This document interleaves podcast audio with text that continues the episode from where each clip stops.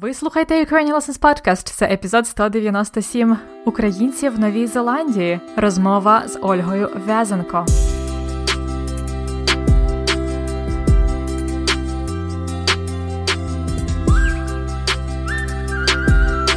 Привіт, це Анна. І ще один епізод подкасту Уроки української. Подкасту для всіх, хто вивчає і любить українську мову. Зараз триває п'ятий сезон подкасту. І так, ми дійшли вже далеко, і зараз ці епізоди призначені для високого рівня української. Наразі ми маємо інтерв'ю у зовсім вільному стилі. Я, звичайно, прошу моїх співрозмовників говорити трошки повільніше, ніж завжди, але не завжди це виходить. Сьогоднішня гостя, пані Ольга В'язенко, говорить, як на мене, дуже чітко, зрозуміло і не дуже швидко. Тому сподіваюсь, вам сподобається наша розмова, і ви зрозумієте щось. Готові слухати? Сьогодні у нас гостя з далекої і загадкової країни Нової Зеландії. Її звати Ольга В'язенко. Ольга інколи ділиться новинами про життя українців і українські події у нашій групі на Фейсбуці Ukrainian Learners Group.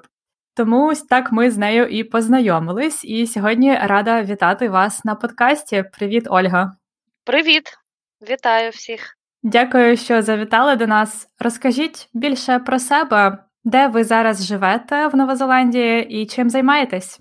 Ем, ми нещодавно переїхали, жили два роки в Окленді, це найбільше місто Нової Зеландії. Угу.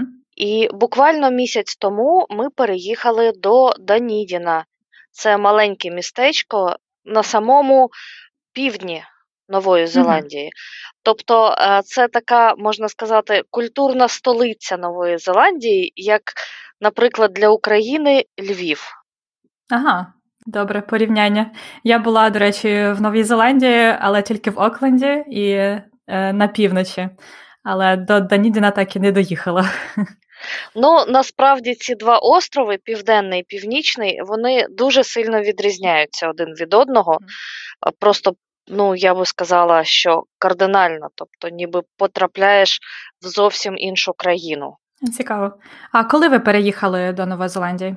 Ми в Новій Зеландії вже два з половиною роки.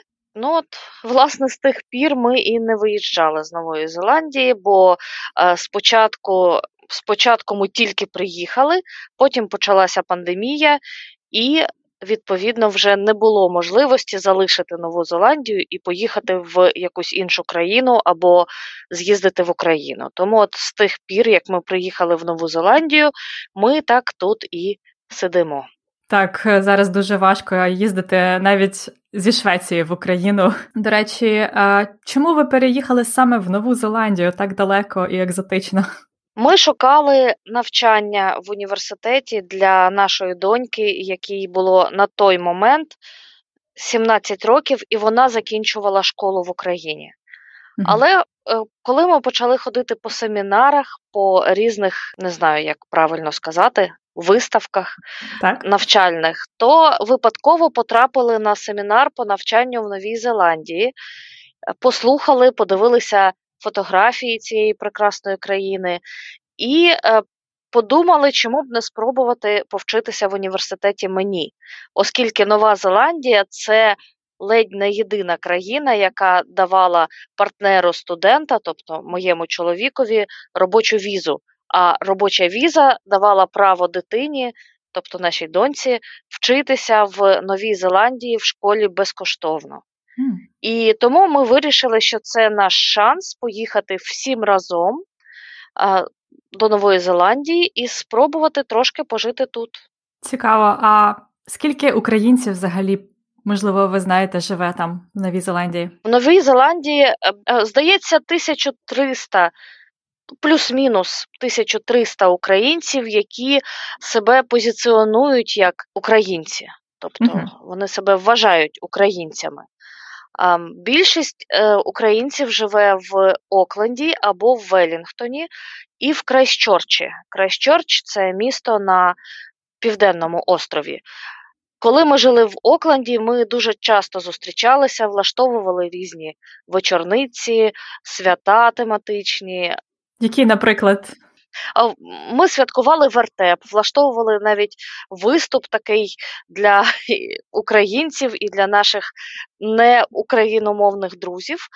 От е, танцювали, співали, грали, е, готували українську їжу, е, постійно пригощаємо борщем, наприклад, варениками, дерунами, млинцями, пирогами, печемо хлібчик.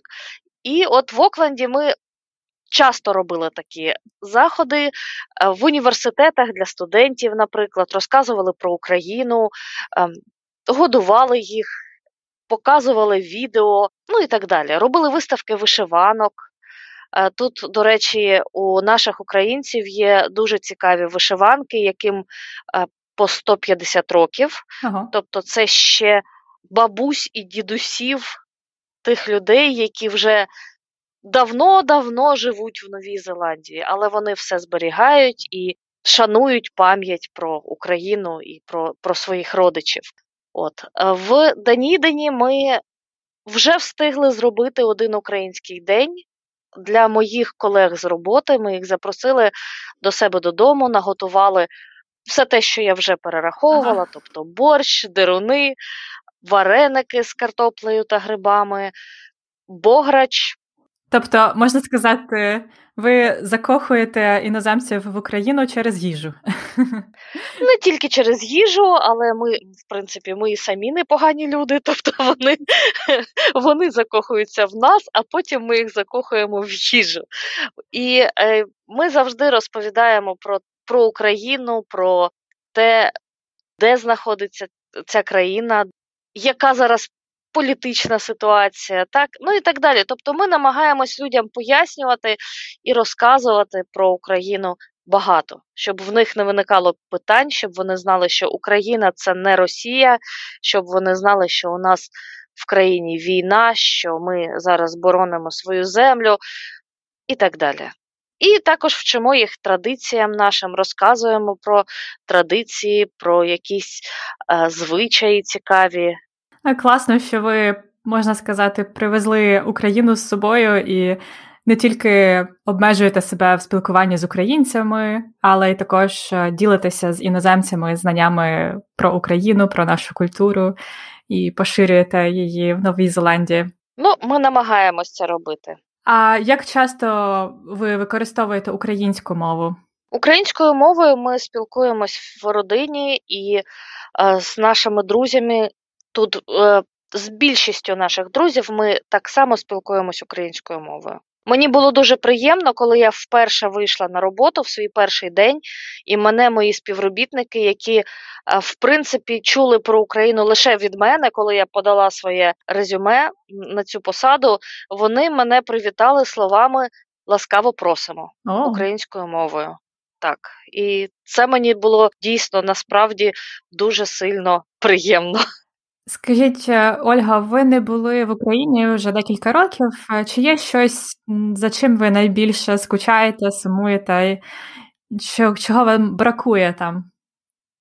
Ну, в мене в Україні мама, тому, звісно, найбільше я сумую за мамою і дуже хочу її побачити, зустрітися, на жаль, зараз не маю такої можливості, от, але ми постійно спілкуємось. Зараз інтернет дає можливість спілкуватися дистанційно і мати відеозв'язок і аудіозв'язок. Тому, в принципі, це трошки, трошки ситуацію покращує. Я би з задоволенням приїхала би в певні міста. Зустріла би друзів, з'їздила би до Львова, наприклад, це місто, яке я люблю страшенно. Походила б центром, зайшла б в п'яну вишню.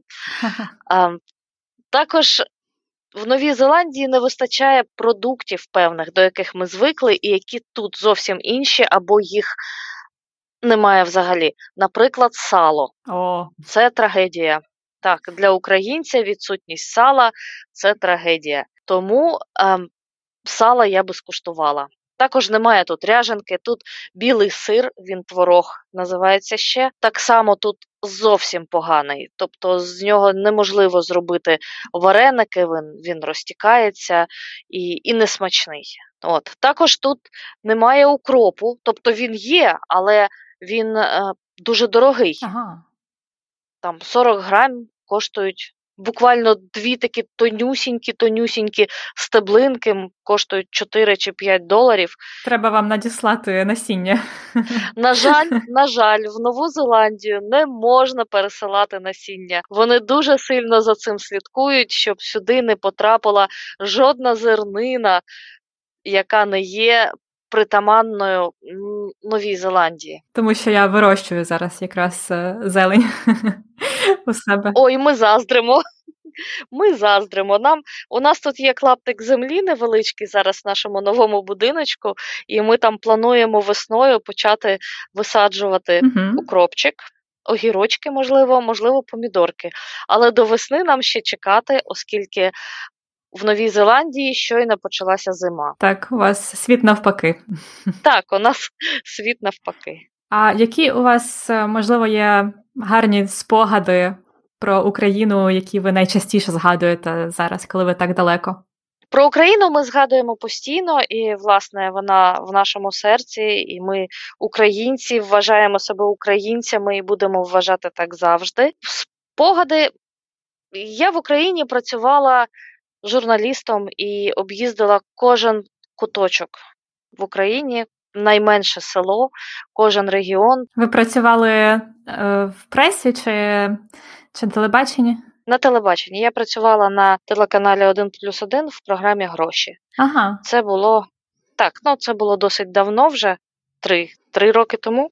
В мене з тих часів залишилося дуже багато добрих друзів по всій Україні. Ну і я сподіваюся, що все ж таки кілька добрих справ я зробила, і, і люди це якщо не пам'ятатимуть, то принаймні користуватимуться цими результатами моєї роботи. Дуже цікаво, і з вашого досвіду в Україні також зрозуміло, чому зараз ви настільки активна в Новій Зеландії, і чи є у вас якісь можливо ідеї, плани на майбутнє щодо того, як розвивати українську спільноту чи українську культуру в Новій Зеландії? Коли я поїхала з Окленду, я не полишила українську спільноту. Я все ще є членом ради української організації в Окленді і продовжую виконувати свої, свою волонтерську роботу над тим, щоб розвивати українське ком'юніті в Окленді. Тобто, у нас є масштабні плани щодо воркшопів. Ми зараз будемо влаштовувати серію воркшопів. Ця організація отримала грант в місцевий. Будемо там і вишивати, і робити віночки, і майстер-класи проводити. От готуємось до святкування річниці незалежності України. Ну і також готуємось до різних дрібних заходів, пікніки. Звісно, як тільки закінчиться зима, ми знову почнемо збиратися на пікніки. Зимою це робити важко, оскільки в Окленді не холодно, але там постійно дощі зимою. І дощить сильно, і дощить часто і дощить непередбачувано. Тому зимою, як правило, українці збираються менше. А от влітку це дуже гарний час для того, щоб зібратися і провести час разом. Супер, дуже гарні такі позитивні плани, особливо зараз в такі трошечки складніші часи тут в Європі. І дуже цікаво було почути про ваше життя і ідеї для різних ініціатив. І обов'язково діліться результатами своїми фотографіями на нашій групі. Нам завжди цікаво побачити, як живуть українці в Новій Зеландії. Дякую. У нас ще є YouTube канал, ага. називається Борщ НЗ, де ми періодично розміщуємо відео про те, як ми живемо в Новій Зеландії, або якісь такі серйозні теми. Наприклад, ми підіймали тему е, голодомору, підіймали тему причин еміграції українців, в тому числі до Нової Зеландії, і надалі будемо це робити. На жаль, зараз у зв'язку з тим, що ми переїжджали, і в мене нова робота ем, досить відповідальна, досить складна, оскільки це для мене ну, незвична така діяльність. От то зараз ми не часто випускаємо щось на цьому каналі, але в подальшому плануємо продовжувати робити нові відео. А де ви зараз працюєте? Я працюю, як же ж це перекласти українською? Я радник в мерії міста Данідін щодо проведення заходів ага. і видач, і видачі грантів на проведення заходів. Супер. Борщ НЗ класна назва. Обов'язково залишимо посилання на ваш канал і на ваші ресурси на сторінці цього епізоду. Дякую вам ще раз, Ольга. Дякую. На все добре. І вам на все добре. Гарного дня, а нам гарної ночі. На добраніч. А нам на добраніч, так. До побачення. До побачення.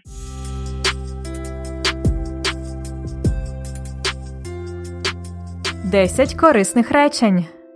Сподіваюсь, вам було цікаво послухати розповідь Ольги про таке активне життя українців в Новій Зеландії. А зараз, як завжди, розгляньмо кілька цікавих речень. Послухайте перший уривок. Ми в Новій Зеландії вже два з половиною роки. Ну от, власне, з тих пір ми і не виїжджали з Нової Зеландії. З тих пір ми не виїжджали з Нової Зеландії. Вони з родиною вже два з половиною роки в Новій Зеландії, і з тих пір не виїжджали. З тих пір. Це з того часу. Відтоді, з тих пір. Ми не виїжджали. Ваші улюблені дієслова руху, правда? Виїхати це доконаний вид, тобто поїхати з якогось міста, покинути його за допомогою транспорту, виїхати один раз, а недоконаний вид виїжджати. Вони не виїжджали з Нової Зеландії майже три роки. Можна сказати, вони не покидали, не залишали Нову Зеландію вже майже три роки. Повторіть повне речення. З тих пір ми не виїжджали з Нової Зеландії. Слухаймо далі. В принципі, ми і самі непогані люди, тобто вони вони закохуються в нас, а потім ми їх закохуємо в їжу. Вони закохуються в нас, а потім ми їх закохуємо в їжу. Закохувати і закохуватись. Вони, тобто іноземці, закохуються в нас. Це зворотнє дієслово тут, а потім ми їх закохуємо вже без ся в їжу. Вона мене закохала в себе, і я закохався. Повторіть ще раз. Вони закохуються в нас, а потім ми їх закохуємо в їжу. Далі. Щоб в них не виникало питань, щоб вони знали, що Україна це не Росія, щоб вони знали, що у нас в країні війна, що ми зараз боронимо свою землю. Ми зараз боронимо свою землю. Про це розповідає Ольга своїм е, новим знайомим у Новій Зеландії, що ми боронимо свою землю. Боронити це захищати, але переважно зі зброєю на війні. Українці зараз боронять свою землю, тобто свою країну у війні на сході України з Росією. Я бороню, ти борониш, він боронить, ми боронимо, ви бороните і вони боронять. Це друга дієвідміна. Повторіть. Ми зараз боронимо свою землю. Послухавши Ольгу, я сказала ви, можна сказати, привезли Україну з собою. Можна сказати, one could say, що вони привезли Україну з собою. Тобто вони не забули про Україну, а навпаки, постійно розповідають е, людям про нашу культуру, історію, різні новини з України. Вони привезли Україну з собою. Повторіть, ви, можна сказати, привезли Україну з собою. Слухаймо далі Ольгу. Коли я вперше вийшла на роботу в свій перший день, і мене мої співробітники, які е, в принципі чули про Україну лише від мене, коли я подала своє резюме на цю посаду, вони мене привітали словами ласкаво просимо. Коли Ольга вперше вийшла на роботу, її співробітники, тобто колеги, привітали її українською мовою словами ласкаво просимо. Це типове українське вітання, коли ти кудись приїжджаєш. Welcome! Ласкаво просимо. Повторюйте за мною. Вони мене привітали словами ласкаво просимо. Далі Ольга розповідає про те, що би вона зробила, якби була в Україні зараз. Я би з задоволенням приїхала би в певні міста, зустріла би друзів, з'їздила би до Львова, наприклад. Ці всі речення умовного способу це дієслово плюс би або б. Ольга каже: Я би з задоволенням, тобто радо, з радістю, приїхала би в певні міста. Вона використала тут аж два рази би, хоча можна було б сказати і один раз. Я би з задоволенням приїхала в міста, зустріла би друзів, з'їздила би до Львова. Отже, це дієслово минулого часу, зустріла, з'їздила і би, зустріла би з'їздила би це умовний спосіб. Повторюйте за мною. Я би з задоволенням приїхала би в певні міста. Зустріла би друзів, з'їздила би до Львова. Далі ми говорили про те, чого Ользі зараз бракує з України. Наприклад, сало. О. Це трагедія. Так, для українця відсутність сала це трагедія. Це трагедія. Це такий гарний розмовний вираз, що означає, що якась погана ситуація, це сумно. Інколи це можна сказати трошки іронічно. Наприклад, в Новій Зеландії немає сала. Це трагедія. Звичайно, тут трошки перебільшення є, але це іронічно ми говоримо. Це просто трагедія. Так от для українців вона сказала відсутність або брак сала це трагедія. Повторіть, для українців відсутність сала це трагедія. У Новій Зеландії зараз зима. Я сказала. В Новій Зеландії щойно почалася зима. Так, у вас світ навпаки. Так, у нас світ навпаки. Світ навпаки, або перевернутий світ. Навпаки, це коли щось абсолютно протилежне, зовсім інакше. Навпаки. Повторіть у нас світ навпаки. Далі Ольга розповідала про свою роботу журналісткою в Україні. Я в Україні працювала журналістом і об'їздила кожен куточок в Україні, найменше село, кожен регіон. Вона об'їздила кожен куточок в Україні, найменше село, кожен регіон. Об'їздити це побувати в багатьох місцях, там і там і там. Об'їздити доконаний вид, недоконаний об'їжджати. Вона об'їздила кожен куточок в Україні, куток або куточок, кожне місце, найменше село, кожен регіон. Повторіть.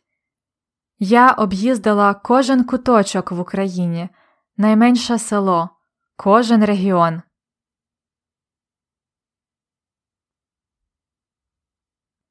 І наостанок ми говорили про плани на майбутнє.